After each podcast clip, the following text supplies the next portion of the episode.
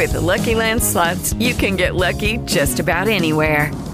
This is your captain speaking. Uh, we've got clear runway and the weather's fine, but we're just going to circle up here a while and uh, get lucky. No, no, nothing like that. It's just these cash prizes add up quick. So I suggest you sit back, keep your tray table upright, and start getting lucky. Play for free at LuckyLandSlots.com. Are you feeling lucky? No purchase necessary. Void where prohibited by law. 18 plus terms and conditions apply. See website for details. Sponsorem programu jest Viaplay. Platforma, na której obejrzysz wszystkie mecze Premier League. Dzień dobry, dzień dobry po raz pierwszy w nowym roku z nową energią, chociaż my to właściwie cały czas mamy y, energię, Krzysztof pewnie y, potwierdzi. Witamy Was Tak. bardzo serdecznie w kolejnym odcinku y, Przerwy na kawę. Ze mną oczywiście Maciej Łaszkiewicz. Dzień dobry, wszystkiego dobrego w nowy rok. Gdyby nam się zdarzyło wyjść, jak kiedyś Tomasz Hajto w trakcie niesławnego e, jednego z programów Kawy Futbol, jeżeli dobrze pamiętam, to z góry przepraszamy, ale nowy rok, także no, mam nadzieję, że nam wybaczycie. Także Krzysztof Bielecki. No, Dla mnie dzień dobry. Dla mnie e, ten Sylwester nie był zbytnio pasjonujący, bo od godziny 23 już czekałem, kiedy będę mógł się położyć do łóżka i wytrwałem do 12.20, e, wypijając jedno piwo, także ja raczej nie wyjdę. Jestem, jestem bezpieczny. Generalnie ja raczej też, także Maciej będziesz osamotniony w tych tutaj swoich Ale spokojnie, tezach. Nie zamierzam wychodzić póki co, także nagrywamy i lecimy. Ja miałem też Sylwester dosyć e, spokojny. E, no ale dobrze, nie o Sylwestrze dziś będziemy rozmawiać. Słuchajcie, rozstrzygnięcie konkursu z poprzedniego e, odcinka. Bardzo dziękujemy Wam za wszystkie komentarze. Było ich aż 60, także, także jeszcze raz serdecznie dziękujemy. Taki oto kubek, który trzymam teraz w ręku, czyli kubek przerwy na kawę. Jego nie da się nigdzie kupić, da się go tylko dostać na naszym Patronajcie. Jak to zrobić? No to zapraszamy Was do linku w opisie. Tam możecie sobie taki kubeczek e, ogarnąć za jakieś wsparcie dla nas. Możecie sobie tam poczytać, odsyłam. E, A taki kubek z komentarzy w konkursie wygrywa użytkownik Andrew71. Zapraszamy Cię, drugi Andrew, byś się skontaktował z nami e, na Facebooku czy na Twitterze, gdzie wolisz. E, No i teraz widzicie na ekranie sobie komentarz tutaj e, Andrew. Przypominamy, że tutaj e, tezą tego konkursu, zadaniem właściwie było opisanie swojej ulubionej drużyny e, w Premier League, tak, żeby nie używać e, jej nazwy, po prostu w jakiś ciekawy sposób ją e, e, opisać, przytoczyć też być może jak się zaczęła ta miłość. Ten komentarz jakoś tak przykuł nasze oczy, więc no on wygrywa. Oczywiście wszyscy, którzy konkurs, którzy konkursu nie wygrali, niech się nie łamią. Konkursów będzie jeszcze dużo, my organizujemy ich całkiem sporo, także zapraszamy do śledzenia naszego kanału, subskrypcji, łapkowania. No i cóż, myślę, że, no cóż, skończył nam się ten, w ogóle często powiedziałem, no cóż, no nie, nieważne, skończył nam już się ten 2022 rok, więc zadam wam takie pytanie, panowie. Czy mieliście jakiś ulubiony mo- moment związany z piłką nożną? Jak się domyślam, skoro z piłką nożną, no to pewnie związany z tym angielskim e, futbolem. Co wam pierwsze przychodzi na myśl? Co wam się najbardziej e, podobało w minionym roku? No, ja, Chcesz tak, zacząć, Krzysiu? ja mogę zacząć. Ja tak, jeżeli chodzi o Manchester United, e, to, to, może to jest e, głupie i dziwne, e, ale dzień, w którym Paul Pogba przestał być piłkarzem Manchester United, był jednym z moich, e, z moich ulubionych dni w 2022 roku.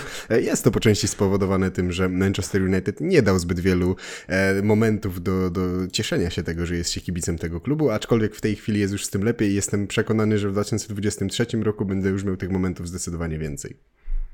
A dzień, w którym Cristiano Ronaldo przestał być piłkarzem Manchester United, co o nim powiesz? No, też był generalnie dla mnie e, dobry, ale to było bardziej smutne, bo to było jednak mimo wszystko jedno z tych smutnych pożegnań też z Cristiano Ronaldo, bo przykro, że aż tak źle się to skończyło. No, trochę to rozumiem. Jeżeli chodzi o mnie, no to oczywiście nasz wypad do Swansea i obejrzenie meczu, wygranego meczu 2 do 0 z Sunderlandem to chyba taki pik mojej e, kibicowskiej w ogóle przygody ze Swansea, ale generalnie, jeżeli pytasz Jonaszu właśnie z, związane z naszymi klubami, czy też generalnie z futbolem, to, to jeszcze w temacie Swansea był taki meczek w kwietniu, który wygrali 4 do 0 z Cardiff i to jeszcze na wyjeździe, więc jakby tutaj też to byłby kryminał, gdybym o tym nie wspomniał, bo to jeden z lepszych meczów w ogóle w nie wiem czy w historii klubu, ale na pewno w tej nowoczes- nowożytnej historii nowoczesnej, gdzie, gdzie, gdzie Swansea gra w Ja- Championship, to jedno z fajniejszych momentów po prostu. Ja mogę dodać też, że jeżeli nie będę patrzył na Manchester United, to ten wypad do Swansea i mecz z Sunderlandem to też topka, jeżeli chodzi o wspomnienia tego 2022 roku, także jeżeli nie widzieliście naszego vloga, który jest u nas na kanale, to serdecznie Dokładnie. zapraszamy, e, bo to była naprawdę kapitalna przygoda. Odsyłamy do tego vloga. Jeśli chodzi o mój ulubiony moment, to e, takie skromne, dobre 5 minut Arsenalu, które trwa już praktycznie pół sezonu, to jest zdecydowanie mój ulubiony moment, a pik tego momentu to chyba derby z Tottenhamem wygrane przez Arsenal 3 do 1. Tam Arsenal pokazał prawdziwą e, dominację. Też Tottenham kończył ten mecz w ogóle w dziesiątkę po czerwonej kartce Emersona. To zdecydowanie e, nie dość, że w ogóle fajny okres, te, te prawie pół sezonu, kiedy Arsenal e, jest na szczycie tabeli, to, to ten mecz też e, mi tu się najbardziej chyba e, podoba, no bo ta końcówka sezonu Arsenalu w tamtym, w minionym sezonie była też y, ok, no ale ta końcówka, ta porażka chociażby z Newcastle cały czas gdzieś w głowie y, siedzi, ale na tle tego ten sezon smakuje jeszcze bardziej wybornie. Słuchajcie, drodzy, piszcie w komentarzach, jaki był wasz ulubiony y, moment sezonu 2000, znaczy tego minionego roku, nie sezonu, tylko minionego roku 2022 i możecie dopisać na samym końcu, czego oczekujecie po tym roku 2023, czy nie wiem, wasza drużyna wygra Ligę Mistrzów, Premier League, cokolwiek, o czym tylko e, marzycie. Piszcie może jakiś zawodnik, e, który miałby dołączyć do Waszej drużyny. Chętnie poczytamy Wasze komentarze. Także odsyłam i zapraszam. A my Tymczasem przechodzimy do tego, co wydarzyło się w minionej kolejce e, Premier League. Tutaj mi podpowiada, że była to 18 kolejka, choć oczywiście nikt 18 meczów jeszcze nie rozegrał, no bo były niektóre z nich przekładane. Także przyjmijmy, że jest to po prostu następna kolejka Premier League. E, no i co? Myślę, że zaczniemy sobie od meczu, który mm, był najciekawszy w tej kolejce, czyli Arsenal-Brighton. I nie mówię tego tylko dlatego, że jestem kibicem e, Arsenalu, ale dlatego, że po prostu w tym meczu padła największa e, liczba goli, bo padło tych goli aż 6. E, cóż można y, powiedzieć? No, oczywiście bardzo się cieszę, że Arsenal wygrał na dosyć trudnym dla siebie terenie, bo było to DMX, gdzie Arsenalowi idzie tak dosyć e, średnio. Jeszcze co mnie cieszy, że wszyscy zawodnicy, którzy biorą e, udział w tych ofensywnych akcjach Arsenalu, zdobyli bramkę w tym meczu, bo i Bukayo Saka, i Martin Odegaard, Edin Ketiach i Gabriel Martinelli zdobyli właśnie bramki. Trochę tylko mnie smuci, że jednak w tej końcówce Arsenal trochę stracił kontrolę nad meczem. Głównie wydarzyło się to po tym, jak z boiska e, zeszli i Ben White i Aleksandr Zinchenko. E, wtedy Brighton trochę bardziej ruszył. Oczywiście Brighton cały czas, przez całe spotkanie miał swoje momenty, miał swoje sytuacje, no ale jednak jak już Arsenal był przy piłce, to widać było różnicę e, klas, bo Arsenal to, co miał wykorzystywać, to wykorzystywał, stwarzał sobie bardzo groźne sytuacje. W ogóle te pierwsze 10 minut Arsenalu było chyba najlepszymi 10 minutami Arsenalu w tym sezonie, bo tam Arsenal po prostu gonił akcja za akcją. Każda sytuacja była bardzo, bardzo groźna. Już w drugiej minucie zresztą Saka zamienił jedną z tych sytuacji na e, bramkę. Osoba, którą najbardziej chciałbym wyróżnić z tego meczu, no to Martin Odegaard, e, który mamy fantastycznych Norwegów w Premier League w tym momencie. Jeden strzela gole jak na zamówienie, drugi bawi się piłką nożną tutaj w koszulce Arsenalu. E, Odegaard to w jakiej jest formie i to co wyprawia to jest coś e, fantastycznego. Ja mógłbym mówić godzinami o tym, jak ten mecz, mimo straty tych bramek, mi się podobał, ale dokładnie, zadam e, pytanie e, Wam i rzucę.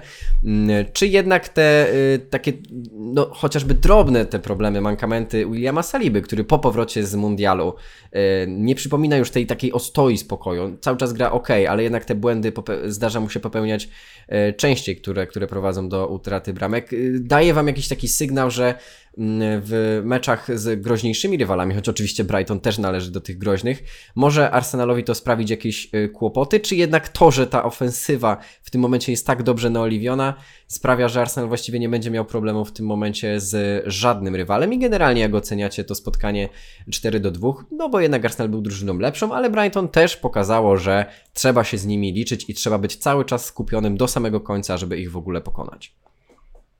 No to ja wam na początek powiem tak, że po ostatnim, po ostatniej przerwie na kawę, gdy jakby skończyliśmy nagrywać i trochę sobie e, odsłuchałem ten fragment o Arsenalu, gdy, gdy rozmawialiśmy na następny dzień, to sobie stwierdziłem, że kurczę, chyba jednak trochę za dużo pudrujemy temu Arsenalowi, że może rzeczywiście, ja wiem, że oni są liderami Premier League i tak dalej, no ale jednak e, jeżeli byłbym na przykład kimś, kto, nie wiem, nie lubi Arsenalu, po prostu kibicuje jakiejś innej drużynie, czy Manchesterowi City, czy, czy tak dalej, to może faktycznie by mnie trochę to, to, to, to przy, przykuło jakby moje uszy, ale z drugiej strony zacząłem się zastanawiać, no to co my o tym Arsenalu mamy w takim razie mówić? Czy mamy się na, na siłę gdzieś doszukiwać, właśnie tak jak teraz już u nas zacząłeś e, mówić o Salibie, e, że, że w meczu, w którym Arsenal strzela cztery gole i w którym wygrywa, no raczej pewnie utrzymuje się, na, nawet umacnia się na fotelu lidera e, Premier League, no to czy szukać jakichś jeszcze tutaj dodatkowych gdzieś tam minusów, ewentualnie miejsc, w których no nie Arsenal mógłby coś poprawić i tak dalej, no nie, no po prostu oni grają w tym momencie najlepszą piłkę w Premier League i to trzeba powiedzieć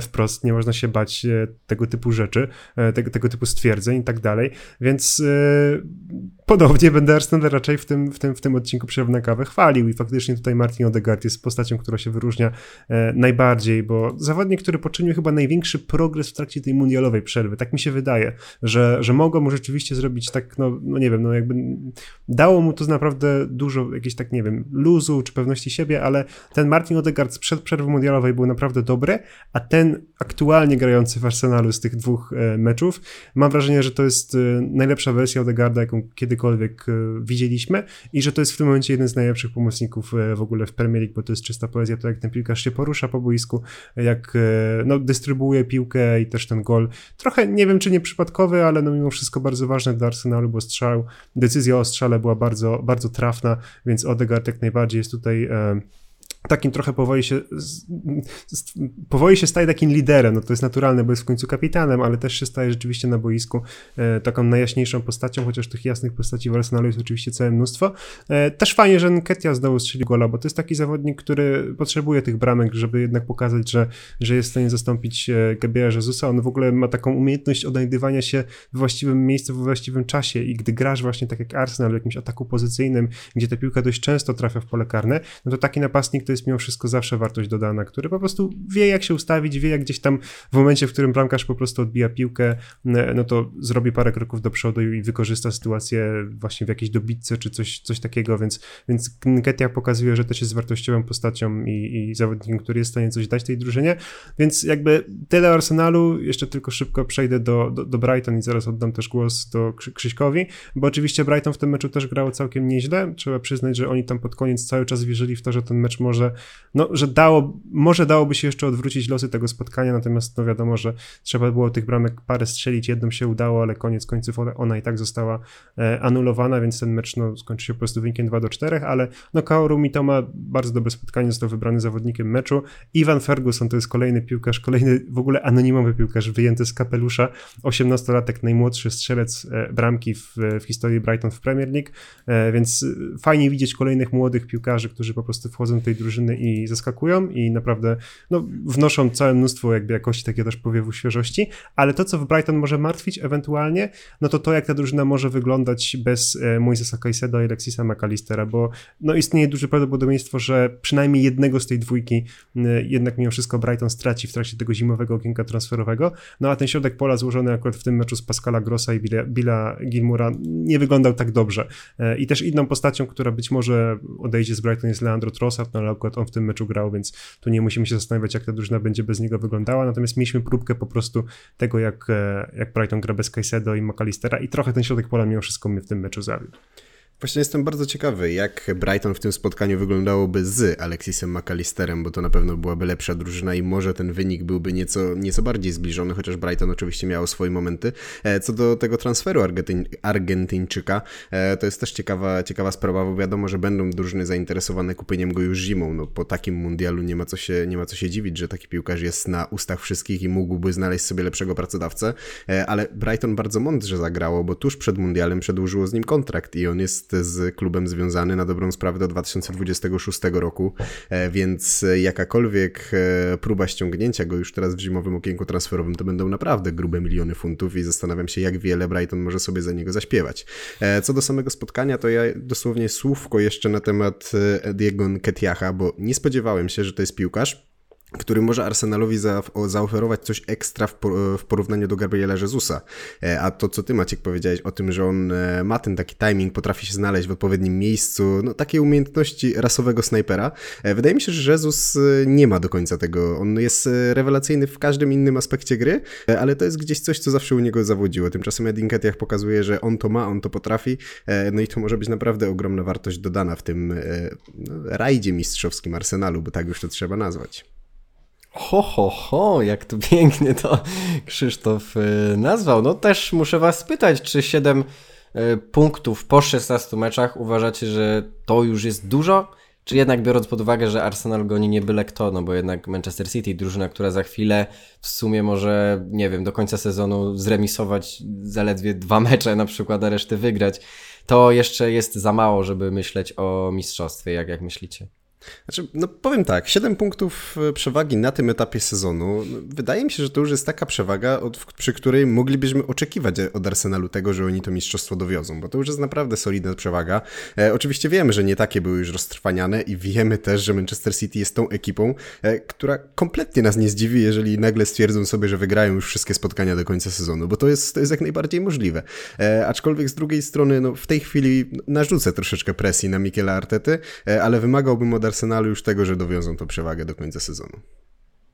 To jeszcze się tylko szybko odniosę do tego, jak e, silną mentalnie drużyną jest Arsenal, tak? No bo w ten weekend, w zasadzie tego samego dnia, w którym grał Arsenal, wydarzyły się remisy Newcastle i Manchesteru City, więc oni musieli wiedzieć o tym, że to jest szansa dla nich, żeby rzeczywiście na te przynajmniej dwa, e, nie no, po prostu na te dwa punkty odskoczyć, tak? E, więc pod tym względem Arsenal wychodzi na boisko i gra naprawdę świetne spotkanie, gra prawie że koncert. Wiadomo, że tam do paru rzeczy się można przyczepić, ale mimo wszystko koniec końców efekt jest no taki, jaki sobie założyli przed tym meczem, czyli trzy punkty, więc to jest ekipa, która jest rzeczywiście w stanie tę przewagę sobie utrzymać, ale fakt że gdzieś tam jest jakiś margines błędu, e, no sugeruje nam, że tak, że Arsenal po prostu w tym momencie jest na, na pole position do tego, żeby to mistrzostwo zdobyć.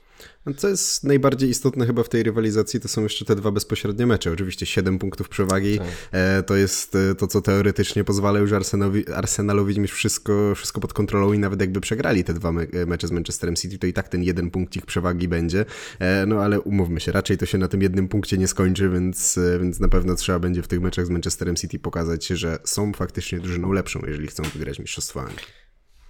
Drodzy widzowie, jeśli y, jesteście słuchaczami, którzy słuchają naszego programu, bo nie śledzą zazwyczaj meczów Premier League, oglądają raz na jakiś czas, to ja bardzo serdecznie Was zachęcam, żebyście w następnej kolejce y, obejrzeli mecz Arsenalu y, z Newcastle 3 stycznia czyli we wtorek już rozgrywają spotkanie Arsenal mierzy się z Newcastle o 20.45.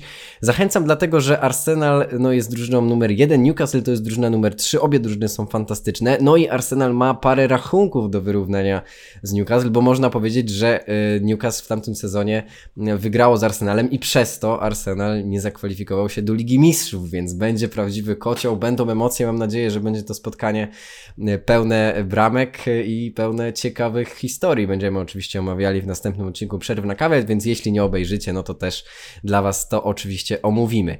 My tymczasem przechodzimy sobie e, Dalej, Liverpool kontra Leicester City. Musimy omówić to spotkanie, bo jest dosyć kuriozalne.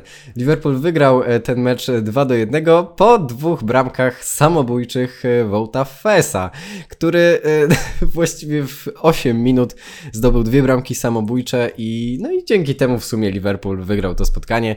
E, bramkę dla Leicester w czwartej minucie strzelił Dewsbury Hall.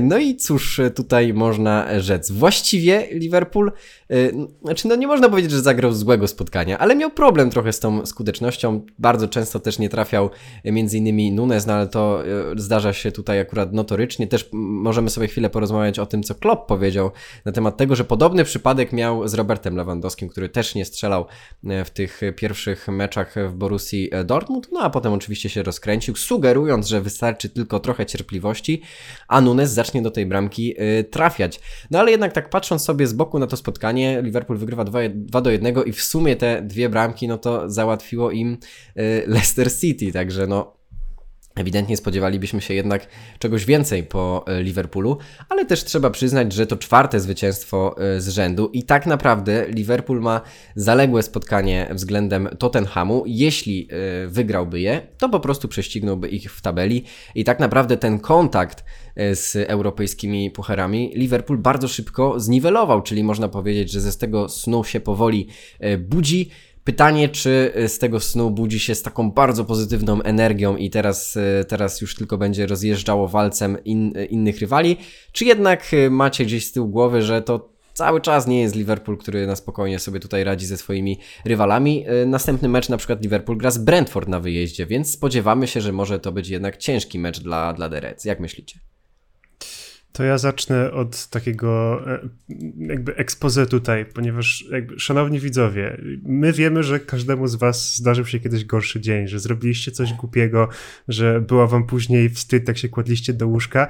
Otóż Woodfest przebił wszystko, ponieważ na pewno żaden z naszych słuchaczy nie strzelił dwóch goli samobójczych na Anfield, e, co jest moim zdaniem naprawdę no, rzeczą no, wstydliwą to chyba trochę za mało powiedziane. Jeszcze w dodatku, jak te gole samobójcze wyglądały, bo Liverpool wcale jakiegoś znakomitego meczu nie zagrał i to, że tak powiem, no, było powtarzane wielokrotnie e, po tym spotkaniu z ust na przykład piłkarzy, ale no, każdy, kto ten mecz oglądał, no to jasne, Myślę, że tam wiadomo, w statystykach, jeżeli sobie spojrzymy, to Liverpool więcej strzałów oddał, miał częściej piłkę i tak dalej, ale gdzieś taki test oka, no to nie było to jakieś tam znakomite widowisko i, i, i niesamowity spektakl i jakiś, nie wiem, no, mecz, który po prostu sam się tutaj wygrał strony Liverpoolu. Jednak ten Woodfest troszkę e, pomógł, ale no przechodząc do tych bramek, no to w ogóle ta, ten, ten pierwszy gol to jest chyba e, no, większy jego błąd niż przy tej drugiej bramce, ponieważ po prostu Berg nie dobiega, znaczy dobiega właśnie do piłki piłki, do której wcale nawet nie musi dobiegać, bo dany Ward już za nim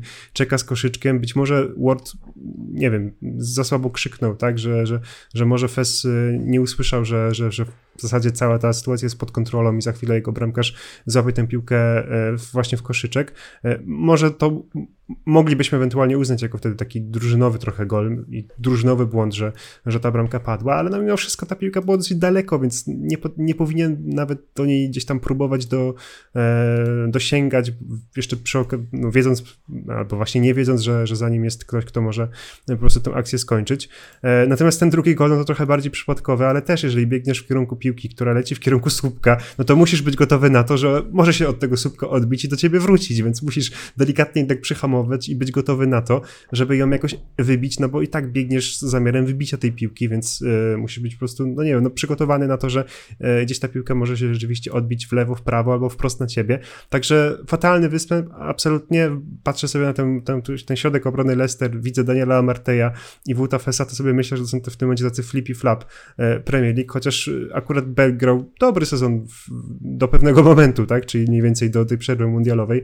On był jednak takim spoiwem trochę i, jedną z bardziej takich pewnych postaci w defensywie, więc jeżeli on tym bardziej popełnia takie błędy, przez które Leicester traci dwie bramki i w zasadzie przegrywa ten mecz, no przecież prowadzili po znakomitej drużynowej akcji, po szybkim ataku e, zakończonym bramką Kierana Dewsbiego Hola, świetny gol i Leicester było, było gotowe na to, żeby cofnąć się do defensywy po prostu i czekać na to, aż Liverpool coś zrobi.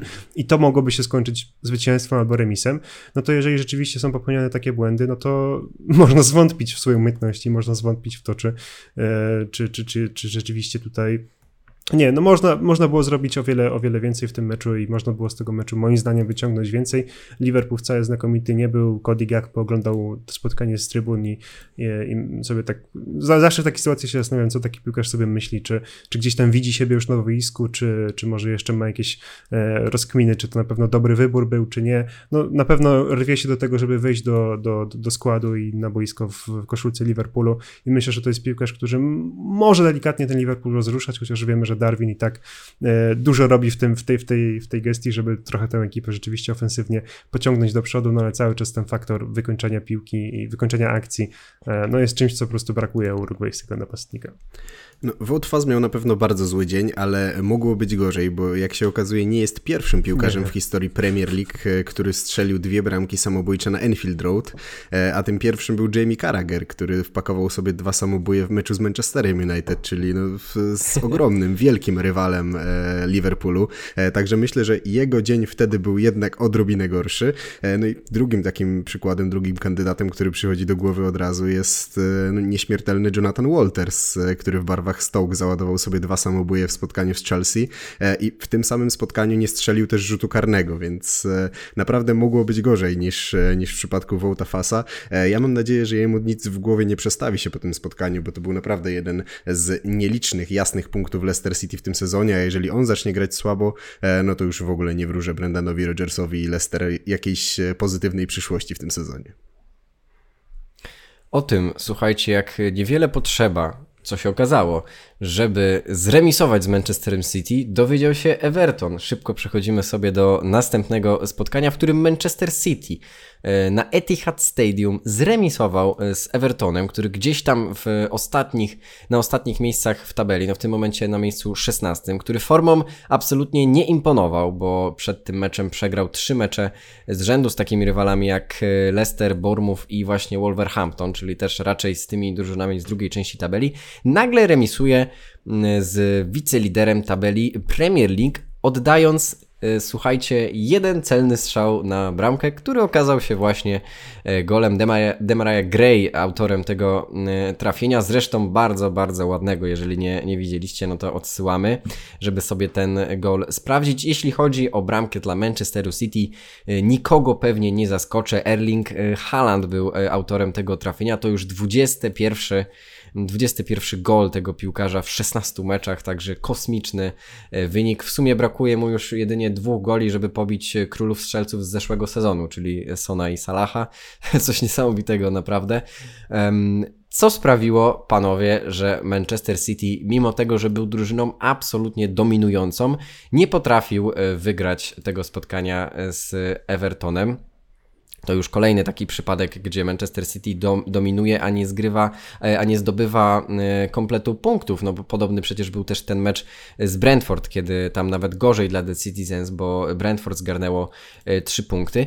I takie pytanie trochę kontrowersyjne, trochę zaczepne. Ja oczywiście nie mówię, że się z tym zgadzam, ale jest to po prostu rzecz do zastanowienia się. Czy Erling Haaland tak no właśnie kontrowersyjnie, nie jest z jednej strony y, bardzo dużą zaletą dla Manchesteru City, no bo zdobywa horrendalną liczbę y, bramek i jest piłkarzem y, wyśmienitym, to jednak trochę jest też przekleństwem, bo trochę od niego się Manchester City po prostu y, uzależnił i zmienił całkowicie swój sposób y, y, gry. I to może owocować tym, że no jednak w tej tabeli po prostu nie liderują. No w sensie to jest pytanie teza, czy, czy zgadzacie się z tym, że Haaland z jednej strony jest błogosławieństwem, z drugim przekleństwem, czy jednak jesteście tutaj innego zdania i, i w sumie to nie ma to absolutnie żadnego znaczenia, po prostu Manchester City się potyka, tak bywa. No, Pep Guardiola po tym meczu został w, tej, wywiadzie pomeczowym zapytany o to, jak gra się z drużyną, która broni tak głęboko piątką. No, Guardiola był oburzony tym pytaniem i stwierdził, że wcale nie bronili piątką, tylko ósemką, e, więc to jest taki typowy mecz e, drużyny przeciwko Manchesterowi City, z którym Manchester City sobie nie radzi. No nie ma co się dziwić Frankowi Lampardowi, że ustawia drużynę w taki sposób, żeby wyciągnąć z tego, z tego spotkania cokolwiek. E, no i w zeszłym sezonie narzekaliśmy, że Manchester City nie wygrywa takich spotkań, że często gubi punkty właśnie kiedy kiedy, rywal zamknie się bardzo głęboko na własnej, e, na własnej połowie, e, bo nie ma takiego klasycznego napastnika, do którego można by było dograć piłkę, który skończyłby, skończyłby głową akcję, e, który gdzieś tam odnalazłby się w polu karnym na tą jedną z kilkudziesięciu, kilkudziesięciu wrzutek, które w to pole karne są kierowane. No i Teraz Manchester City tego napastnika ma, a mimo to wciąż takie mecze się zdarzają i wciąż takie mecze, e, wciąż takie mecze przychodzą, w których The Citizens tracą punkty, kiedy, kiedy ta gra do końca nie idzie. E, no i tutaj już jest rola Pepa Guardioli w tym, żeby wymyślić coś specjalnego, jak rozbijać te, e, te mury przeciwników ustawiane bardzo, bardzo dobrze, tak jak ten Franka Lamparda w meczu, w meczu z Manchesterem City. Więc nie, nie zgodziłbym się z tym, że, że Erling Haaland jest powodem tego, że, że oni nie wygrywają tych spotkań, bo w zeszłym sezonie było dokładnie to samo. To jest identyczny przykład meczu, z którymi nie radził sobie Manchester City w zeszłym sezonie. E, tym razem udało się chociaż strzelić bramkę właśnie za, za pośrednictwem Erlinga Halanda, e, więc zdecydowanie nie, nie uszpatrywałbym problemu tutaj w nim, a bardziej w schematach rozgrywania akcji i, i w jakimś takim pomyśle, jak, jak mógłby Manchester City poradzić sobie z takim rywalem jak Everton. E, druga sprawa, że ta bramka, bramka dla Detofis była bardzo szczęśliwa. Demara i on się w ogóle poślizgnął przed oddaniem tego strzału i tutaj no, no, trzeba zganić defensywę Manchesteru City, e, że facet na linii, na skraju pola karnego jest w stanie poślizgnąć się, podnieść i jeszcze oddać strzał w okienko i nikt nie doskakuje do niego w tym samym czasie, e, więc tutaj The Citizens są sami, są sami sobie winni. No dużo tutaj e, tak naprawdę aspektów można wyciągnąć z tego meczu i też bardzo dużo jest zarzutów do Guardioli w, w, tym spotkaniu, że na przykład to już tak naprawdę do czego się przyzwyczailiśmy trochę, że Guardiola bardzo późno sięgnął po zmiany, tak, bo dopiero w 87 minucie zmienił aż wtedy trzech zawodników, no ale jeżeli rzeczywiście ta gra się z jednej strony się układała, bo Manchester City cały czas e, kreował sobie tę sytuację, ale z drugiej strony rzeczywiście cały czas tej bramki szukał, więc wydaje mi się, że jakaś tak, odświeżenie mimo wszystko tej, tego ataku i gdzieś tam zamieszanie tymi piłkarzami ofensywnymi odrobinę wcześniej mogłoby przyjść z korzyścią dla, dla tej drużyny. No i druga sprawa jest taka, że ja bardzo lubię moment, w którym jakiś menedżer decyduje się na wprowadzenie młodego piłkarza do zespołu, ale jednak mimo wszystko Rico Lewis w tym meczu no trochę jednak nie udźwignął e, wagi tego spotkania, przecież grał też parę dni e, wcześniej z Leeds United, więc no to jest taki zawodnik, który e, troszkę nie rozumiem, dlaczego Guardiola właśnie stawia na niego kosztem czy to Phila Fodena, czy Joao Cancelo, bo wydaje mi się, że Kyle Walker tam jeszcze nie był gotowy w 100% na to, żeby wyjść w pierwszym, w pierwszym składzie, więc y, no, faktycznie tutaj można się do, pary, do, do paru rzeczy w, w, przypadku właśnie Pepa Guardioli e, doczepić, e, ale generalnie no, to trochę tutaj faktycznie po prostu brakło, brakło szczęścia w tym meczu i warto też mieć na względzie fakt, że Everton w tym sezonie generalnie broni się bardzo dobrze, że Frank Lampard sprowadzając właśnie Conora Cody'ego i Jamesa Tarkowskiego, no sprawił po prostu, że ta drużyna w defensywie wygląda odrobinę lepiej, znaczy odrobinę o wiele lepiej bym nawet mógł powiedzieć względem tego poprzedniego sezonu, plus Jordan Pinkford też e, gra naprawdę fajny sezon, już się zaczęły e, takie plotki, że może trafiłby jeszcze w, jakby do, do, jakiegoś silniejszego klubu, no bo tam zainteresowany jest na przykład Chelsea czy, czy Tottenham, mm, nawet Manchester United też gdzieś widziałem w jednej plotce, więc nie wiem czy do pierwszego składu, ale no generalnie jeżeli Jordan Pickford pojawia się gdzieś w jakichś plotkach e, w końcu, ewentualnie przy, przy, w kontekście jakiegoś transferu do większego klubu, no to znaczy, że rzeczywiście gra, gra dobry sezon, a, a z tego meczu jeszcze można wyciągnąć tę taką rywalizację Erlinga Halanda z Benem Godfreya. Niesamowicie nakręcony był w tym meczu Haaland i to, to, to, się oglądało z takim trochę uśmiechem, ale z drugiej strony trochę też przerażeniem, bo Haaland tam mógł równie dobrze z czerwoną kartką skończyć ten mecz, więc ja bym jednak tego Haalanda tam nie drażnił, starał się gdzieś tam go unikać. Ale właśnie ja mam, ja mam wrażenie, że zarówno Ben Godfrey, jak i Erling Haaland cieszyli się każdą minutą tych pojedynków i wydaje mi się, że Ben Godfrey to był e, pierwszy piłkarz w tym sezonie, który postawił Erlingowi Haalandowi aż tak trudne warunki. No, nie spodziewał mi się szczerze, że to będzie akurat Ben Godfrey, bo z tego, z tego tercetu defensywnego w Evertonie to prędzej postawiłbym na Tarkowskiego czy, czy, czy, czy na Conora Cody'ego, a naprawdę było, fajnie było oglądać ten, e, ten pojedynek, e, a te no, gdzieś tam wygłupy Erlinga Halanda i parodiowanie rywala to już w ogóle był jakiś, jakiś inny level, ale faktycznie bardzo mocno nakręcony, ale być może to jest jakiś sposób na Erlinga Halanda, żeby nieco wyprowadzić go z równowagi, no bo okej, okay, bramkę strzelił, ale no, jeden gol dla Erlinga Halanda to też nie jest, nie jest nic, nic wielkiego. E, tak podsumowując wątek e, Manchesteru City, to sprawdziłem sobie e, zmotywowany dyskusją na Twitterze, jak prezentuje się Manchester City w porównaniu do zeszłego sezonu, bo pojawiły się takie głosy, że to jest dużo gorsza drużyna i że mimo to, że kupili właśnie taką maszynę jak Erling Haaland, to, to wyglądają gorzej. Otóż nie do końca, bo po 16 meczach oni wyglądają dokładnie tak samo. Ok, no dzisiaj mają 36 punktów, wtedy mieli 38, wtedy mieli dwie porażki i dwa remisy, teraz mają dwie porażki i trzy remisy, więc e, to jest ekipa na bardzo podobnym poziomie.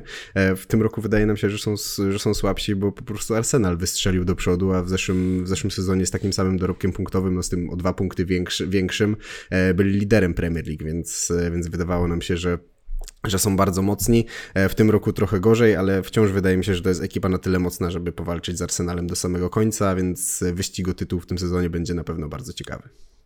Popraw mnie Krzysiek, jeśli się mylę, ale wydaje mi się, że Manchester City w ogóle zaczynając ten rok kalendarzowy 2022 nawet nie był liderem. Premier League, tylko stał się dopiero pod koniec stycznia, jeżeli dobrze pamiętam, więc no jakby po, może to być tam podobny był, sezon w sumie do tego poprzedniego. Tam nie wiem, czy, czy ja teraz nie będę mylił, ale tam był, tam był chyba moment, że Tottenham był w ogóle liderem Premier League przez chwilę w, w zeszłym sezonie. Nie Trzeba jestem, to sprawdzić. E, nie jestem w 100% pewien, czy tak było. Może to było dwa sezony temu, może 10 sezonów temu, ale coś takiego, coś takiego mi w głowie siedzi.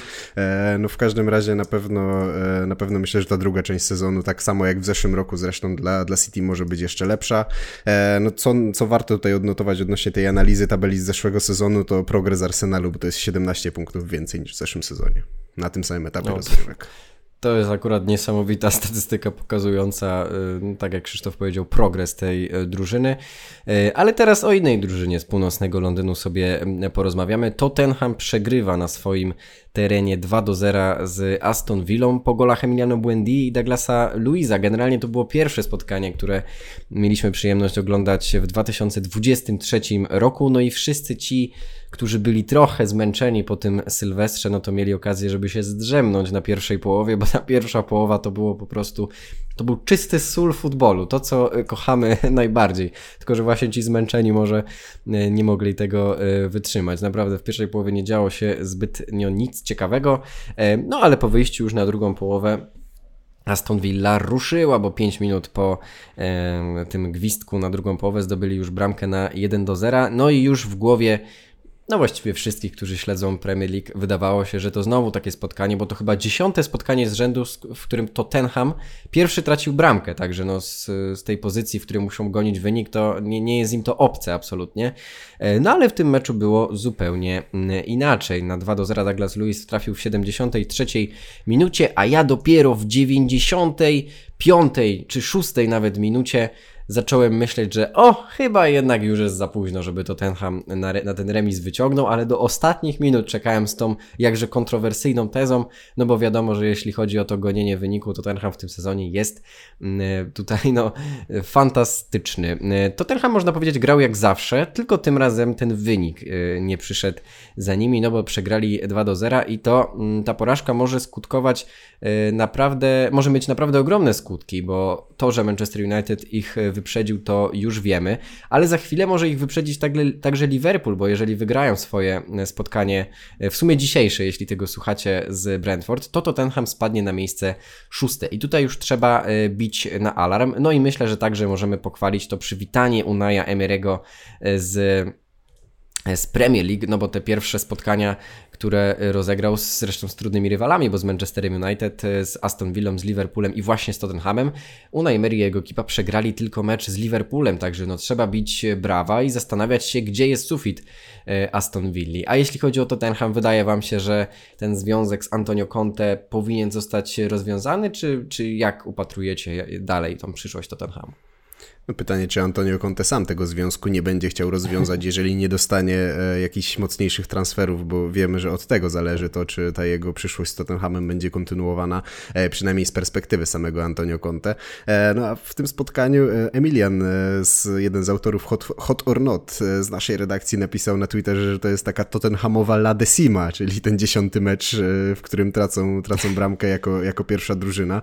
No i to jest niesamowita statystyka. No i to wspominaliśmy o tym już na początku tego sezonu, że dopóki Tottenham będzie wygrywał te mecze, to wszystko będzie w porządku, ale to nie jest na pewno żaden powód do dumy, że są w stanie aż tak dobrze odrabiać straty, e, bo prędzej czy później to się zemści i zaczyna się to mścić. No, takim największym osiągnię osiągnięciem Tottenhamu z tego spotkania e, to były trzy żółte kartki dla trzech środkowych obrońców w ciągu 10 minut w pierwszej połowie meczu, bo najpierw Romero, potem Longley i na końcu Ben Davis. Od 28 do 37 minuty cały środek obrony Tottenhamu był już wykartkowany e, i to pewnie też dał Aston Villa trochę, trochę wolnej ręki do konstruowania tych swoich ataków. E, bardzo dobry mecz Oliego Watkinsa, który świetnie dogaduje się pod tą, pod tą batutą Unai Emerego z Emiliano Buendią. E, Emi Buendia w końcu wygląda na takiego odblokowanego i na piłkarza, który, który może nam pokazać próbkę tych swoich umiejętności, którymi zachwycał w Norwich, a które nie do końca udawało mu się przenieść na, na Aston Villa. Więc miejmy nadzieję, że to będzie już w tej chwili odblokowany piłkarz. E, bardzo dobry mecz też Johna McGina. Generalnie Aston Villa e, w całości mogła nam się podobać e, w tym spotkaniu. Nawet Jan Bednarek dostał 10 minut w tym meczu, więc e, Unai Emery już musiał być naprawdę pewny, że nic, e, nic nie wymknie się spod kontroli, skoro nawet Polaka wpuścił na te ostatnie kilka minut. E, co warto odnotować też odnośnie Aston Villa, to że Mati Cash nadal na ławce rezerwowych i nadal Ashley Young sadza go na, tym, na, tej, na tej ławce. No, generalnie jeżeli chodzi jeszcze o Tottenham, wracając do tego spotkania, to ta trójka ofensywna, e, w tym przypadku był to Son, e, Hill oraz Harry Kane, zagrali naprawdę fatalny mecz, e, jeszcze gorszy chyba Pielemir Hojbjerg. No, wygląda to wszystko słabo dla Tottenhamu. Pytanie, jaka przyszłość czeka Antonio Conte i kto pierwszy, kto pierwszy przyciśnie guzik alarmowy, czy będzie to Daniel Levy, czy właśnie Antonio Conte? To mam jeszcze małą ratę do tego poprzedniego wątku Manchester City, bo strasznie mnie to męczyło, czy, czy się pomyliłem, czy nie. I faktycznie w tym zeszłym sezonie Manchester City już w 15 kolejce był liderem, wyprzedzając Chelsea. Natomiast dwa sezony temu Manchester City dopiero w 20 kolejce e, objął e, fotel lidera. Także... A Tottenham? A Tottenham był tam, czy nie było tam Tottenhamu? Eee, nie, dwa lata temu był Manchester United, a w zeszłym roku Tottenham, z tego co widzę, tam gdzieś tam był troszkę delikatnie niżej mimo wszystko, a, więc... No to, e, to ja pochrzaniłem po prostu. No, no tak, no generalnie. Przecież, przecież w zeszłym roku był Nuno, jest... Nuno Espirito Santo i potem Antonio Conte za niego wchodził, więc nie mogli być liderem. No, nieważne, nieważne. W tym roku też Nuno na pewno Espirito liderem Santo. nie będą. Tak, Nuno Espirito Santo, czyli ten menedżer, którego w jakimś quizie o trenerach Tottenhamu za 10 lat na 100% zapomnimy, bo to jest w ogóle taki epizod, który bardzo łatwo jest po prostu wy, wymazać z pamięci. A jeszcze szybko dodając do tego, do tego spotkania, no to miarka się przebrała i myślę, że to jest bardzo e, jakby paradoksalnie, że to może być dobra wiadomość dla Tottenhamu, że oni to spotkanie przegrali, że coś takiego się w końcu musiało wydarzyć, no bo rzeczywiście, jeżeli za każdym razem kolejkę w kolejkę gdzieś tam tracisz pierwszy gola, a potem i tak robisz e, comeback i udaje ci się punktować w jakikolwiek sposób, no to jeżeli w końcu zdarza się taki mecz jeszcze na własnym stadionie, jeszcze z Aston Villą, czyli no jasne, z ekipą, która rokuje, ale też nie, nie jest to jakiś pretendent, to, to, to nie jest gigant w tym momencie do ogrania, już pokazywały to drużyny w poprzednich kolejkach, że da się, e, no to taki delikatny policzek e, w twarz, taki, taki kubeł zimnej wody, myślę, że Tottenhamowi się przyda i po prostu to jest ekipa, która wyciągnie w końcu tę legendarną lekcję, te, te mityczne wnioski z tego i, i, mam nadzieję, że, że już się troszkę ogarnie na przyszłość, bo po prostu takiej drużynie nie przystoi za każdym razem z,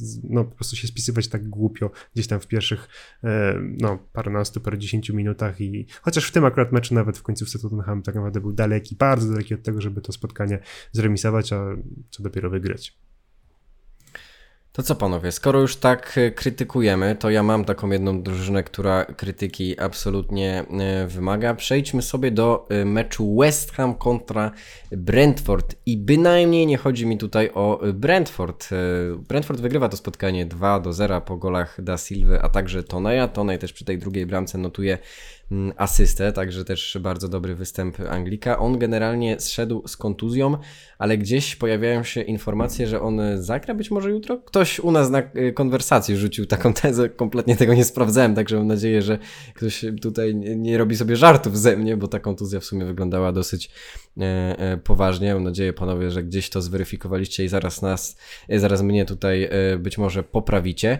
Jeśli chodzi o West Ham, historia ich ostatnich spotkań w Premier League ma maluje się na czerwono. Same e, porażki i w sumie nic nie zapowiada się, że miałoby się to w najbliższym czasie zmienić. West Ham gra beznadziejnie, są nieskuteczni, są po prostu w tym momencie słabi i tak naprawdę niewiele brakowało do tego, żeby już w tej kolejce West Ham znalazł się e, w strefie spadkowej. Generalnie remis Nottingham Forest, do którego przejdziemy sobie w kąciku soli futbolu, co ciekawe, to sprawił właśnie, że jeszcze West Ham na tym miejscu 17 się utrzymał, ale no, jeżeli chodzi o formę, to West Ham gdzieś obok Southampton jest w tym momencie najgorszą drużyną w Premier League. Co robić? Jak to ratować, panowie? A to już, to już koniec? Pytanie? Tak, to jest pytanie do Was. Zwalniać. My nie wiemy. Chyba, chyba, chyba trzeba zwalniać. Myślę, że to jest, e, to jest e, ten jeden, jeden, jedyny moment. E, swoją drogą też mam erratę do poprzedniego wątku. Tottenham był liderem Premier League dwa sezony temu po dziewięciu kolejkach i to był jeszcze Jose Mourinho. Więc to gdzieś, to gdzieś Będziecie erratę rzucać co, tak, w każdym, co kolejny w każdym, wątek. W każdym kolejnym wątku będziemy się poprawiać, więc teraz też Maciek pamiętaj, żeby rzucić coś, co będzie można poprawić. Wracając już do West Hamu, to David Moyes E, w końcu coś zmienił, bo w końcu to był, to był inny West Ham. E, zabrakło Tomasa Sołczka w środku, w środku pola. To było coś, o co kibice prosili od dawna, naprawdę dawna, bo Sołczek e, wygląda zwyczajnie fatalnie w tym sezonie. Postawił na paketę obok Rice'a i to zdał egzamin, bo West Ham naprawdę zaczął to spotkanie dosyć dobrze i nawet Thomas Frank przyznał, że w pierwszej połowie ekipa Davida Moysa była zwyczajnie od Brentford lepsza. Do momentu strzelenia pierwszej bramki, kiedy to znowu po prostu wymasterowany fragment gry e, Brentford, czyli daleki wyrzut z autu, przyniósł powodzenie, e, no i ekipa Debis prowadziła 1 do 0. E, no, no, i po tym gra West Hamu całkowicie się posypała, a później Josh da Silva no, zezłomował całkowicie Cresswella, bo to jak on go tam przestawił, wychodząc na sytuację sam na sam z Łukaszem Fabiańskim, to jest naprawdę jakaś inna liga, no i nie było już co z West Hamu zbierać. Póki co David Moyes dalej jest na swoim stanowisku, co cały czas nieco mnie dziwi, aczkolwiek myślę, że te, te trzy najbliższe spotkania, może nawet dwa najbliższe spotkania, to są już takie mecze prawdy dla, dla tego menedżera. E, no, zobaczymy, co z, tego, co z tego wyjdzie. Na pewno było w tym meczu z Brentford widać jakikolwiek progres, e, no chociaż wynik o tym zupełnie nie mówi. No w tym momencie już nawet David Moyes jest faworytem Buchmacherów do zwolnienia. Drugi w, w tym zestawieniu jest Lampard, trzeci Rogers, czyli tacy faworyci od początku mniej więcej sezonu. Ale na początku sezonu nie spodziewaliśmy się, że David Moyes może zaszczycić e, swoją osobą właśnie to, to zaszczytne pierwsze miejsce na, na samym szczycie e, bukmacherskich kursów. Natomiast to był taki mecz, taki typowy, ulubiony mecz Brentford, gdzie oni wymierzają dwa ciosy w pierwszej połowie i potem mogą się sobie spokojnie cofnąć, mogą oddać inicjatywę rywalom, e, mogą po prostu kontrolować tak naprawdę przebieg meczu do ostatniej e, minuty, bo, w tej pierwszej połowie tak naprawdę Brentford oddało cztery strzały i to wszystko były strzały celne, więc tam mogło nawet być i wyżej. E, I faktycznie no, to, to jest ekipa, która, która takie spotkanie bardzo często w taki sposób przeprowadza i lubi to robić, więc to ten West Ham, który gonił, który też próbował, który w sumie ostatecznie koniec końców oddał aż 20 strzałów w tym meczu, no starał się i tutaj zgadzam się z tobą Krzysiek, że ten progres widać, natomiast no, nie ma tego odzwierciedlenia w wynikach mimo wszystko i też nie ma tego odzwierciedlenia w, taki, w takim wizualnym aspekcie, bo ja generalnie w tym sezonie nie pamiętam zbyt wielu meczów West Hamu, w ogóle jakichś ich występów, jakichś takich nawet, nie wiem, dobrych, gorszych meczów, po prostu to jest strasznie taka bezbarwna drużyna, która ma całe mnóstwo jakości, no bo jak sobie patrzę na środek pola Lucas Paqueta i Declan Rice, no to to Ktoś, ktoś nawet rzucił na początku chyba sezonu taki, taki właśnie taką opinię, że to jest drugi albo nie wiem, trzeci czy najlepszy środek pola w Premier League. No to jest oczywiście przesada, ale no, takich piłkarzy raczej wydaje mi się, że każdy... Potem wyszedł każdy... Granit Szaka i zadał kłam tej opinii. To, to, to prawda, można, można w tym momencie powiedzieć Arsenalu, że gdzieś tam przyjmuje tę pałeczkę tak delikatnie, ale na West Ham ma tych piłkarzy naprawdę bardzo dobrych, więc tutaj pod tym względem tak naprawdę można o nich oczekiwać o wiele więcej. I jeszcze na koniec tylko dodam, że Declan Rice uspokajał fanów, żeby po prostu no, pozostali gdzieś tam za klubem, cały czas e, wspierali, że on zrobi wszystko, żeby, żeby tylko te, te wyniki odwrócić. Tylko tak sobie myślę, jak kojarzę Declan Rice, no to sobie on już może grać na, na swój własny transfer tylko i wyłącznie, no bo nie ma takiej siły, nawet gdyby West Ham się utrzymał w Premier League, żeby go po prostu zatrzymano na następny sezon, więc Rice gra trochę bardziej nawet pod siebie niż pod drużynę w tym momencie i co jest też zrozumiałe dla mnie jak najbardziej w 100%. E, no i to jest taki zawodnik, na którym mimo wszystko też no, wypadałoby polegać w tym momencie, no bo to jest chyba najlepszy zawodnik West Hamu mimo wszystko w tym sezonie. E, no ja tak dodam jeszcze tylko słowo, bo porównywałem sobie tą tabelę z tym zeszłym sezonem, no i Arsenal był największym progresem z tymi 17 punktami do przodu, e, no a największy regres zaliczył właśnie West Ham i to jest 14 punktów mniej niż na tym samym etapie rozgrywek rok temu. To jest naprawdę przepaść. Także dwa zupełnie inne oblicza, dwa zupełnie różne sezony, zarówno e, w West Hamie, jak i w Arsenalu. A co powiedzieć można o Manchesterze United? Teraz sobie przejdziemy do takiego skromnego spotkania, w którym Manchester United wygrywa 1 do 0 z Wolverhampton e, na wyjeździe. Gola zdobył nikt inny jak Marcus Rashford, który z powodu tego, że e, zaspał generalnie, rozpoczął to spotkanie na ławce rezerwowych. Okazało się, że jednak Marcus Rashford jest tej drużynie potrzebny jak tlen do oddechu, bo dopiero wtedy, kiedy Rashford wszedł na boisko, to rozpoczęło się to co dobre dla Manchester United. No i właśnie z tej ławki E, Anglik zdobył bramkę. Jeśli chodzi o Manchester United, to na tym czwartym miejscu już się zapisali i tak naprawdę w przypadku tego, że Newcastle i Manchester City pogubili punkty, okazało się, że w sumie to odrobili całkiem ciekawe, w całkiem ciekawy sposób tą stratę do tych ekip, które są jeszcze przed nimi. Jeśli chodzi o Newcastle, dzieli ich tylko dwa punkty, a mają jeszcze mecz zaległy. Jeśli chodzi o Manchester City, to dosięgnęli ich na odległość zaledwie czterech punktów. Domyślam się, że Krzysztof rozpocznie rozmowę o tej um, drużynie. Powiedz mi, Krzysztof, czy ty czujesz, że tę ekipę faktycznie stać jeszcze na coś ciekawego w tym sezonie, co może dać radość kibicom? E, czy jednak uważasz, że e, no, że faktycznie ten Manchester United stać na trochę więcej niż tylko gole Markusa Rashforda i w sumie delikatne ostatnio mam wrażenie uzależnienie od tego e, piłkarza. Jak, jak ty myślisz, jak uważasz? Ja zacznę, ale muszę zacząć od erraty. Bo Maciek, no. Maciek trafnie zauważył, że przecież jeszcze istnieje Newcastle United i ten największy progres w zeszłym sezonie to nie jest Arsenal, tylko właśnie Newcastle, gdzie są 24 punkty więcej, e, więc... Coś mi się nie zgadzało. To ja, zapom ja zapomniałem w ogóle o Newcastle, że, że oni przecież w zeszłym sezonie jeszcze na tym etapie rozgrywek byli prowadzeni przez Steve'a Bruce'a, a to musi oznaczać, że, e, że będą mieli największy progres punktowy. E, niesamowite. Swoją drogą tuż pod nimi było Norwich, czyli drużyna, która w tej chwili jest łączona z tym, że e, ich następnym menedżerem będzie Steve Bruce, więc znaki, znaki, to są, to są znaki, e, więc na pewno Steve Bruce obejmie Norwich w przyszłości. E, wracając już do, już do Manchester United, to, to zacznę może od tego wątku Markusa Rashforda, bo to jest chyba, chyba najciekawsze to, co wydarzyło się w, w tym spotkaniu z Wolves, a w zasadzie przed samym spotkaniem Wolves, bo Markus Rashford niespodziewanie zasiadł na ławce rezerwowych w tym, w tym meczu.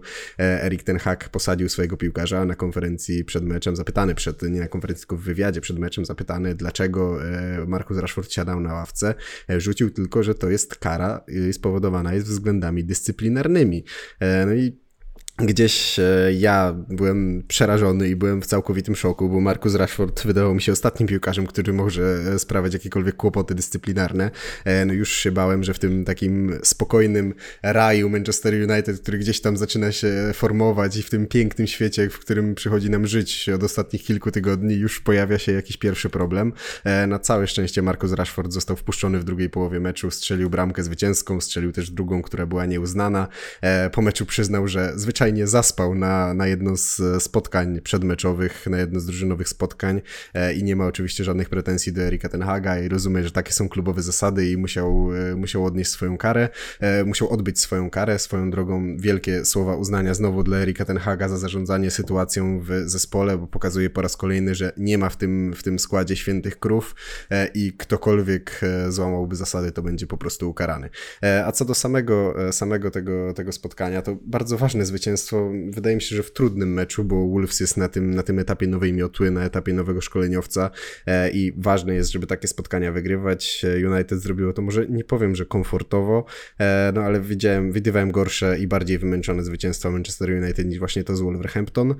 To, co jeszcze zauważyłem z tego spotkania i co jest, myślę, że istotne, to ponowne dziwne ustawienie tego środka obrony Czerwonych Diabłów, bo ponownie Luke Shaw znalazł się w tej dwójce środkowych obrońców obok Rafaela Rafaela Varana, no i drugie z rzędu czyste konto, więc wychodzi na to, wychodzi na to że, że, że ten, ten patent działa i ten, ten schemat wychodzi. E, Rio Ferdinand powiedział po tym spotkaniu, że na miejscu Harry'ego Maguire'a już by się pakował e, i takie same opinie krążą wokół Wiktora Lindelofa, no bo jeżeli lewy obrońca wygryza was ze składu, kiedy, kiedy nie ma drugiego nominalnego środkowego obrońcy, e, to coś jednak mimo wszystko jest nie Panie Macieju, pan nic nie dodaje. Możemy już, lecieć. Nie, nie, możemy dobra. E, sorry, przeczytałem zbyt późno tą wiadomość od ciebie, której e, mówisz, że nie dodajesz. Więc e, dobrze, no to słuchajcie, przejdziemy sobie jeszcze do meczu Fulham i Southampton i potem już otworzymy upragniony kącik soli futbolu. Tego meczu nie zaliczam, bo jednak działo się tam dosyć sporo. Fulham wygrywa to spotkanie 2 do 1. Soton e, już na tym samym dnie tabeli się, można powiedzieć, umacnia i tą swoją e, kiepską formę mm, e, cały czas podtrzymuje. Generalnie James Ward-Prowse robi co może, żeby mm, jakoś tej drużynie pomóc i oczywiście zdobywa w tym meczu gola z rzutu wolnego. Już jak tą piłkę ustawiał, to wiadomo było właściwie, że tego gola strzeli. No ale jednak E, to nie wystarczyło e, i Fulham wygrywa 2 do 1. Nawet e, mieli rzut karny, a właściwie miał go Aleksander Mitrowicz w, w ostatnich minutach tego spotkania i uwaga, Mitrowicz tego karnego nie wykorzystał. To zwłaszcza pewnie boli tych, którzy mają go w fantazy Premier League, no i pewnie boli moich szanownych kolegów, którzy są wielkimi fanami Aleksandra Mitrowicza, zwłaszcza pan Krzysztof. E, gole dla Fulham strzelał i Palinia i gol samobójczy Warda Prosa i Fulham w sumie to na miejscu siódmym, także no ten sezon na pewno wyśniony. I chcę powiedzieć, że warto słuchać przerwy na kawę, bo chłopaki trochę to wywróżyli, w sensie wywróżyli tą dobrą dyspozycję Fulham, a także dobrą dyspozycję strzelecką Mitrowicza, także warto słuchać naszego programu. Ja też mówiłem, że Southampton y, bardzo prawdopodobne, że spadnie w tej, y, w tej edycji Premier League do Championship, no i Southampton znajduje się na samym y, dnie tabeli, także słuchajcie, ten ekspercki głos w waszych domach, jak to zwykł mawiać Michał Pol, mam nadzieję, że jest puszczany i jak widzicie, czasem nawet my powiemy coś, co jest zgodne z prawdą, także panowie, słówko komentarza zaraz do tego Zaraz będzie spotkania. errata na pewno, zaraz będzie errata na spokojnie. No, właśnie, właśnie. A propos tych, tych wszystkich eksperckich nowości, to musimy tutaj w każdym wątku erratę tutaj wygłaszać, bo coś się nie zgadza. Także no, słaby timing, ale trudno. No, nie mam nic do poprawiania póki co, ale być może teraz w tej wypowiedzi walnę jakąś głupotę, więc jakby zobaczymy, śmiało, e, sprawdzajcie mnie. E, ogółem rzecz biorąc, ja, my rzeczywiście mówiliśmy, że Fulham w tym sezonie raczej się utrzyma, natomiast wydaje mi się, że gdyby oni skończyli ten sezon na tej pozycji, w której są aktualnie, czyli na siódmym miejscu, albo nawet ogółem w pierwszej dziesiątce, to i tak przekroczy pewne oczekiwania wobec tej drużyny, bo, bo ja nie spodziewałem się, że to będzie wyglądać aż tak dobrze. Że Aleksander Mitrowicz będzie strzelał gole, to, to się spodziewałem, aczkolwiek po tym meczu za bardzo nie ma, nie ma co o tym gadać, bo tutaj akurat w tym spotkaniu Mitrowicz się nie popisał. No ale ja bym chciał przejść do Southampton, bo to jest w tym momencie moja ulubiona drużyna do omawiania. E, oczywiście z wiadomych względów, bo, bo jest co grillować, jest tutaj o czym, o czym mówić i jest co, e, jest kogo ganić tak naprawdę, bo tam jest 10 piłkarzy, których mogę zganić i obok nich jest jeszcze James Ward-Prowse, który najpierw trochę naważył piwa, tak, no bo od, od, od jego nogi odbiła się piłka i tak padł pierwszy gol. Trochę przypadkowe to było, ale koniec końców zostało to uznane jako gol samobójczy, no ale później wziął piłkę i ostatecznie jakby sam tutaj e, ten błąd e, z pierwszej połowy naprawił i, e, i dał jeszcze tlen Southampton. Natomiast ten tlen, czy oni coś z tym tlenem zrobili? No absolutnie nic, bo to jest taka ekipa, która mam wrażenie, że troszkę mentalnie zaczyna nie dojeżdżać i to, co mnie najbardziej martwi, to, że względem tego, tej poprzedniej kadencji, czy generalnie tego, jak Southampton zaczęło ten sezon u Rafa Hasenhitla, to nie widać za bardzo zmiany, tak jak teraz jest nowy trener, tak? No to jednak jakąś zmianę bym tutaj sobie życzył, że skoro zmieniasz trenera, no to w takim razie razie gdzieś tam ten efekt nowej miotły, który ja nie wiem, czy to rzeczywiście się zawsze dzieje, czy nie, ale no chcesz po prostu widzieć na boisku, że ekipa gra w sposób inna, inny, tak? Że gra w sposób lepszy domyślnie. Natomiast Southampton gra po prostu gorzej. No i to jest, to jest największy problem w tym momencie i zaczynam się zastanawiać, czy Nathan Jones dotrwa w ogóle do końca tego sezonu, no bo no, oczywiście to póki co tylko trzy jego mecze, tak? Co prawda trzy przegrane.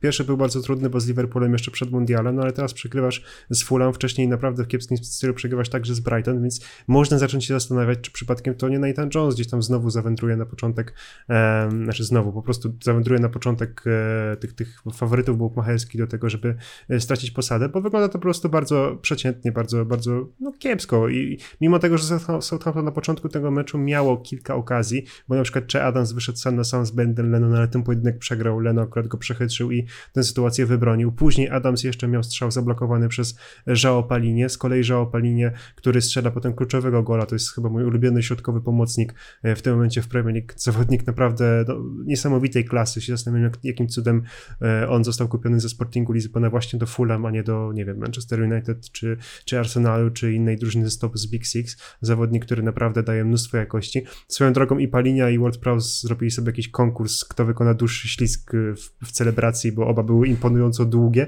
Nie wiem, kto by wygrał tę, tę, tę rywalizację, ale już tak skupiając się stricte na rzeczach ważnych, no to Southampton kolejny słaby mecz, ta, ta końcówka to już jest absolutnie jakieś kuriozum, Lianko nie ma absolutnie kontroli nad tym, gdzie jest piłka, koniec końców jest fał, rzut karny, Bazuno chyba pierwsza dobra interwencja w tym sezonie, bo ostatecznie ten karny broni, no ale to wszystko jest przy stanie 1 do 2, więc ten karny nie miał absolutnie żadnego znaczenia. Ta interwencja można powiedzieć, że poszła na marne, po prostu Southampton to spotkanie e, przegrywa. No i tyle, no i oni są w tym momencie na ostatnim miejscu w tabeli, ta forma wygląda tragicznie. E, te różnice na szczęście punktowe nie są duże, więc gdyby oni wygrali następny mecz, no to są w stanie na luzie wyjść ze strefy spadkowej. Natomiast tutaj nie ma argumentów, tutaj nie ma przebłysków, tutaj naprawdę jest bardzo mało jakichś takich e, promyków nadziei na to, że Southampton te mecze zacznie wygrywać. Tu paru zawodników się musi obudzić, no bo James Ward-Prowse jest obudzony cały czas, natomiast taki na przykład Armel Bella Koczop na początku sezonu grał całkiem nieźle i on teraz wrócił do składu, więc od tego piłkarza na przykład, no mogę oczekiwać, że, że na jakiś pewien poziom wróci i będzie dawał taką chociaż minimalną pewność w defensywie, bo tej pewności tam nie ma w ogóle i tak jak mówią na początku, oni też mentalnie wyglądają bardzo, ale to bardzo słabo. No tam bardzo dużo będzie zależało od e, tego, jak zima przebiegnie i czy uda się kogoś ściągnąć, czy tym jedynym wzmocnieniem w środku obrony będzie ściągnięcie z wypożyczenia Jana Bednarka, bo o tym też się wspomina. E, więc jeżeli to będzie jedyne wzmocnienie tej defensywy Southampton, no to ciężko, e, ciężko widzieć e, ich walkę o utrzymanie, chociaż rzeczywiście trzymam kciuki za Nathana Jonesa. Ja dosłownie słówko o jednym zawodniku Fulham, bo oczywiście Żao Palinia był niesamowity i jest niesamowity przez cały sezon i zastanawiam się, kto wyciągnie go z Fulham po tym sezonie, bo to, że on odejdzie, to jest dla mnie, dla mnie więcej niż pewne. E, ale Andreas Pereira, kolejny, kolejny świetny mecz, e, no, prawie bramka, bo, bo to jego wykończenie tego, tej wrzutki z, z rzutu różnego naprawdę imponujące, bardzo fajny schemat rozegrania tego stałego fragmentu gry, ale to jest piłkarz, w którego ja kompletnie nie wierzyłem i po tym, jak, jak zapłacili Manchesterowi United bodajże 10 milionów funtów, to, to wieszczyłem już od razu e, troszeczkę obrażony na nich, że, że jeżeli kupują takich piłkarzy, to ten spadek do Premier League ich nie ominie.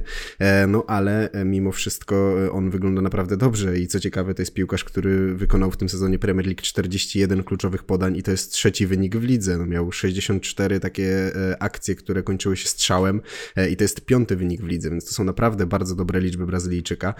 No i muszę tutaj przeprosić z tego miejsca po prostu pana Andreasa Pereira, który wyrasta na pana piłkarza i jest jednym z kluczowych elementów tego, że Fulham wygląda tak dobrze w tym sezonie. Zdarzy się jeszcze kogoś e, przeprosić. Słuchajcie, moi drodzy, otwieramy kącik soli futbolu dla tych, którzy nie wiedzą, choć wątpię, że są tacy, czyli spotkań mniej ciekawych, ale jakże żywych w naszych e, sercach i rozpoczniemy to spotkanie od całkiem mm, takiego gościa, który nie zwykł się pojawiać w kąciku soli futbolu. Mianowicie y, jednym z uczestników będzie Chelsea. Mecz z Nottingham Forest był y, tragiczny dla drużyny The Blues, dla drużyny, która przed chwilą y, przecież grała w, chociażby w finale Ligi Mistrzów, która wygrywała, która w tych najwyższych miejscach w Premier League przecież miała swoje miejsce. No i ten mecz z Nottingham Forest, a zwłaszcza druga połowa, to jest absolutna tragedia. Generalnie remis 1 do 1, gole dla Chelsea, gol, jednego gola dla Chelsea zdobył Ryan Sterling, dla Nottingham Forest Sench Aurier. E, taka oto postać zdobywa gola w tym e, spotkaniu, także no, to mówi samo e, przez się.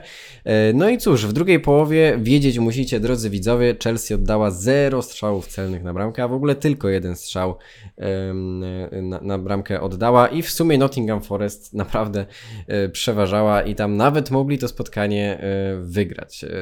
Panowie, co tu trzeba zrobić? Czy zatrudnienie Grahama Pottera to był błąd, jak myślicie? Generalnie to wejście do Chelsea, te, ten początek ma dosyć e, trudny, nie licząc tego w sumie, co dzieje się w Lidze Mistrzów. Rozmawiam oczywiście o Premier League. E, no i ósme miejsce Chelsea, jedynie 25 punktów, w tym momencie nad nimi chociażby Fulham, dwa punkty mniej zaledwie Brentford, także no, wydaje mi się, że Chelsea chciałoby się wymieniać w towarzystwie zdecydowanie innych e, drużyn, co tam nie działa, co trzeba zrobić. No i co z tym Grahamem Potterem?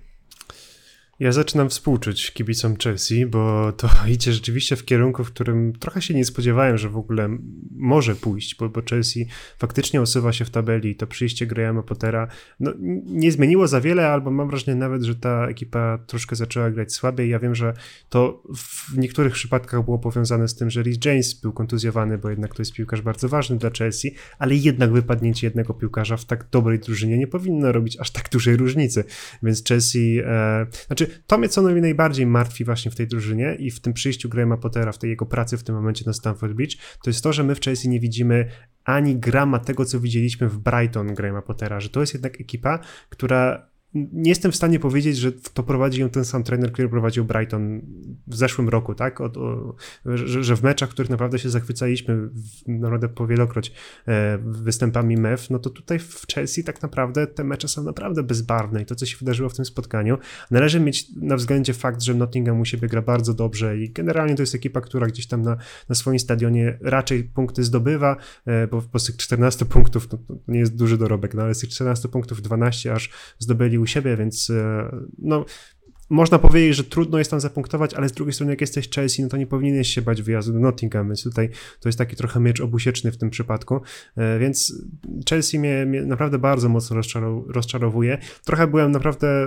taki zbudowany trochę tą pierwszą połowę, bo na przykład no, ten gol Sterlinga, tak, no to sobie myślałem, że okej, okay, no ten gol był mu potrzebny, że teraz ma, da mu pewność siebie, że nawet to było na maksa przypadkowe, bo tam asysta piętką Willego Boliego, potem piłka odbita od poprzeczki i koniec końców trafia pod nogi Sterlinga, który wykańcza akcję, no to nawet jeżeli to był taki farfocel, no to tak czy siak to był gol, którego wydaje mi się, że Sterling szukał, którego potrzebował i który mógł mu naprawdę pomóc. I wciąż może mu pomóc, tylko że Chelsea po prostu na drugą połowę nie wyszła i Nottingham zasłużyło na to, żeby to w tym spotkaniu wyrównać, a może nawet delikatnie można tutaj mówić o tym, że nawet nie wykorzystali swoich szans i żeby ewentualnie to spotkanie e, wygrać. Bardzo udany powrót Morgana Gibsa White'a do pierwszego składu, więc pod tym względem tak naprawdę no, mam wrażenie po prostu, że Chelsea e, nie wykorzystuje wykorzystuje swojego potencjału, że Graham Potter rzeczywiście ma problem z tym, żeby ogarnąć tę ekipę. Kontuzje Risa Jamesa mu nie pomagają, ale tak jak już mówiłem, jeden piłkarz nie jest w stanie e, robić, aż, brak jednego piłkarza nie jest w stanie zrobić aż tak dużej różnicy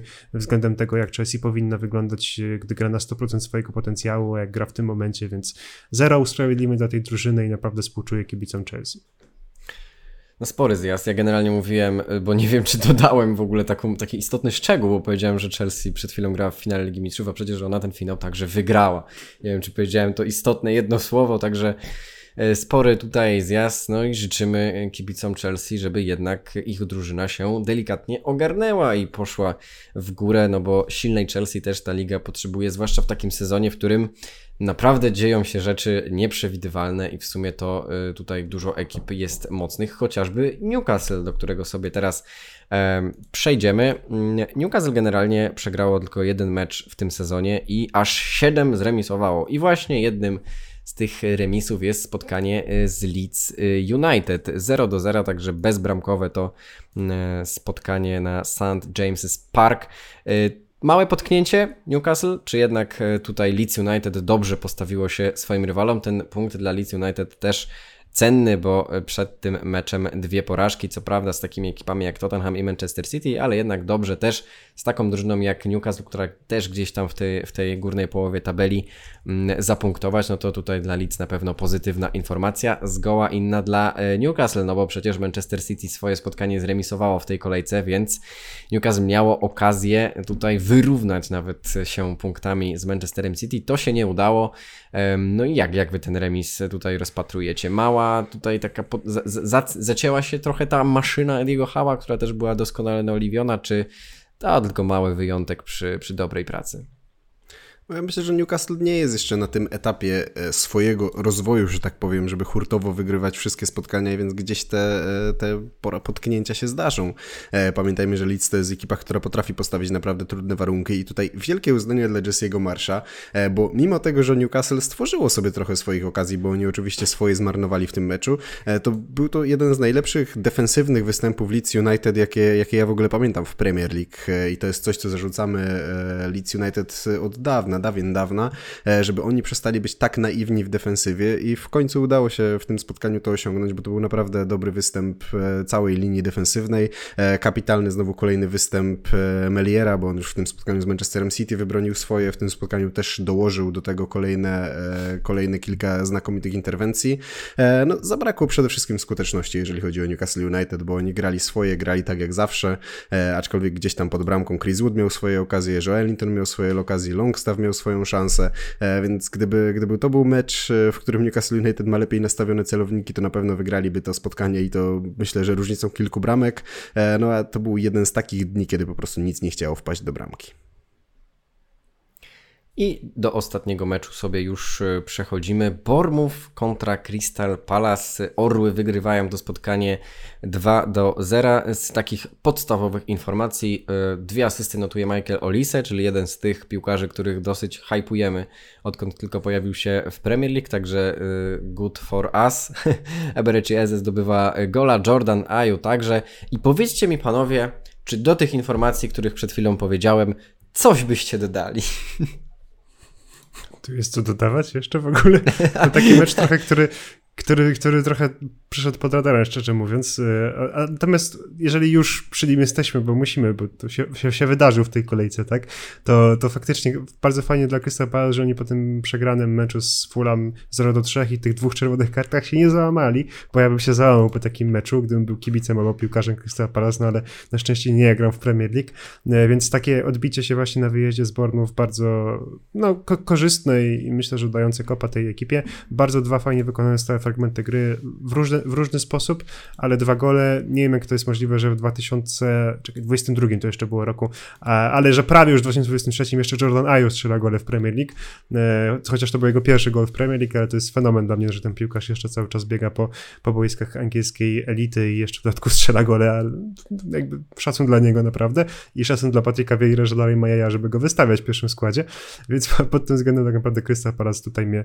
e, pozytywnie zaskoczyło, że udało mi się stać po tym poprzednim meczu e, no i Bournemouth y, trochę zaczyna tracić tę swoją pozycję, które miało, którą, na którą wypracowało przez y, ten dobry okres y, pracy Garego, Nira, e, bo gdy on objął właśnie Bournemouth, no to tam trochę tych punktów im się udało zdobyć, natomiast teraz e, e, ewidentnie osuwają się w tabeli. Coś tam stara się szarp, szarpać, ciągnąć Dominik Solankę, no po prostu potrzebuje tutaj wsparcia zdecydowanie gdzieś tam wśród pomocników skrzydłowych, czy nawet tego Kiefera Mura, bo w końcu panowie grają w duecie, więc spodziewałbym się mimo wszystko, że tych goli będzie padać więcej, bo to są dwaj całkiem przyzwoici napastnicy, przyznam szczerze.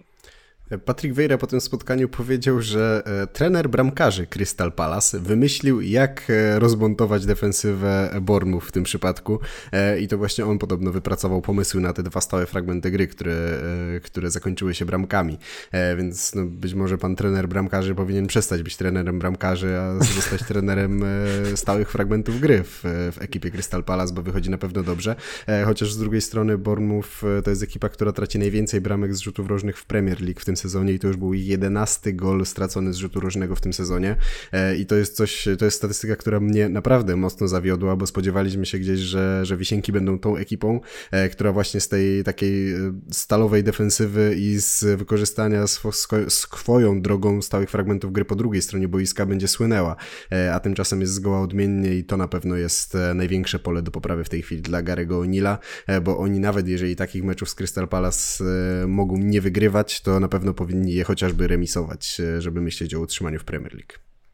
To jedna rzecz na koniec, tylko żeby rzucić nazwisko Dean Keely. To jest ten e, trener bramkarzy, którego warto tutaj wyróżnić za ro perfekcyjne rozpracowanie defensywy Bournemouth. Tak, zapraszamy do samodzielnej pracy, na przykład na poziomie Championship.